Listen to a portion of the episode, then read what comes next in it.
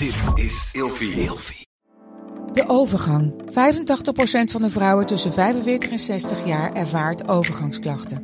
Klachten die kunnen leiden tot een verkeerde diagnose of langdurige arbeidsongeschiktheid. Wat kun je doen als je overgangsklachten ervaart? Hoe maak je dit bespreekbaar op je werk? En als jouw medewerker bij jou komt, wat kun je als werkgever dan doen? Sector Instituut Transport en Logistiek heeft een kennisplatform ontwikkeld waar jij terecht kunt voor tips en adviezen. Wil je hier meer over weten? Kijk dan eens op stl.nl/slash overgang. Of je nu samen slaapt of alleen, een goede nachtrust is essentieel voor een goede relatie met jezelf en de ander. Emma Sleep komt nu dan ook met een hele fijne korting, waardoor je koninklijk kan slapen. Met de code RELATIEVRAGEN in hoofdletters krijg je 10% korting bovenop de 50% korting die je nu krijgt op het bed dat ik bijvoorbeeld heb. De Emma Storage Deluxe Boxspring. Handig voor als je goed wil slapen en extra opbergruimte wil. Dus ga snel naar emmasleep.nl en bestel jouw bed. Hey, ik ben Daphne. En ik ben Lotta. En je zou ons kunnen kennen van de podcast Kleine Meisjes voor de Groot. En vandaag beantwoorden wij de volgende vraag. Hoe ga je om met een partner die last heeft van depressieve klachten of een burn-out? Ja, mits je zelf een psycholoog bent, wat 9 van de 10 mensen Je zijn. blijft op afstand. van dat aspect van die persoon moet je op afstand Ik blijven. denk dat je jezelf sowieso in bescherming moet nemen, inderdaad. Laat het je erg. niet te veel beïnvloeden. Ik spreek vooral even naar de empathische mensen die het als soort van spons op zich nemen. Laat het je niet meetrekken. Maar goed, ik begrijp wel dat jouw partner ook bijvoorbeeld bepaalde behoeftes heeft en graag misschien af en toe met je erover zou willen praten of bij je wil uithuilen of gewoon, gewoon wil zijn, weet je wel. Niet eens iets specifieks, maar gewoon even ermee willen zitten en zichzelf kan laten gaan.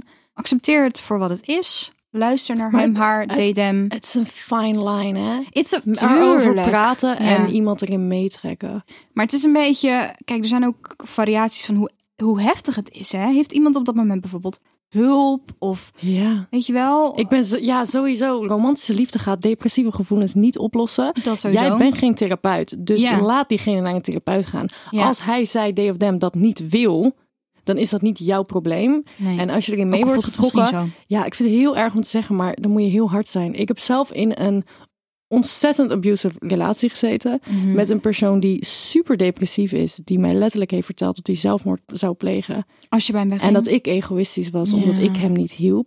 Dat gaat je zo kapot maken. Ja, ik heb het met vriendschappen gehad. En daar geldt eigenlijk hetzelfde voor. Het is... Het achtervolgt mij jaren later Ja, nog steeds. Ik heb echt exact hetzelfde. Alsjeblieft, neem jezelf in bescherming. Maar goed, de vraag was, hoe help je? Want het gaat wel over romantische partners. Ja, maar help eerst jezelf.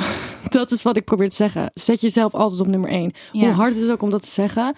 Maar je kan iemand niet helpen als je jezelf de, de shit inwerkt. Ja. Dus zet jezelf altijd op één. En hoe kan je helpen? Ja, probeer voor diegene de juiste hulp te zoeken. Want ik ben ook van mening dat je kan in therapie gaan bij iemand eh, waar je helemaal geen link mee hebt. Dan gaat het helemaal niet werken. Maar als jij als partner op zoek gaat naar therapie voor iemand. Dit heb ik ook bij een ex van mij gedaan. Ik heb, ik heb letterlijk met hem gezeten van wat wil je hebben? En ik ben zelf, omdat hij niet in staat was om dat te doen, ben ik de hulp gaan zoeken die hij nodig had ja. Omdat ik het niet kon geven. En ik, ik denk dat dat heel belangrijk is. Dat je echt jezelf een soort van loszet van de situatie van.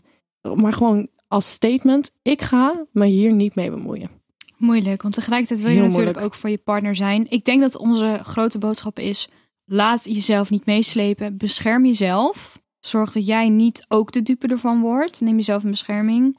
En zoek samen op wat inderdaad werkt. En leer je grenzen kennen. En ik denk ook, soms is het ook gewoon fijn om de partner te zijn waarbij jouw partner die zo verdrietig is, ga gewoon bij die persoon zitten Ja, en zeg maar heel maar gewoon. Je hoeft even niet uit te leggen wat er is. Ja, niet, Je hoeft ja. niet helemaal uit te leggen. Je hoeft niet constant te zeggen wat is er en wat Mm, voel je. Ja, Soms mag je partner gewoon heel even huilen. ja en gewoon. En maakt gewoon het maar dat is wat ik bedoelde met gewoon zijn. Gewoon zijn. Gewoon. je bent er. Je gewoon. bent er inderdaad. Niet meer, niet En je houdt diegene zijn hand vast. Ja.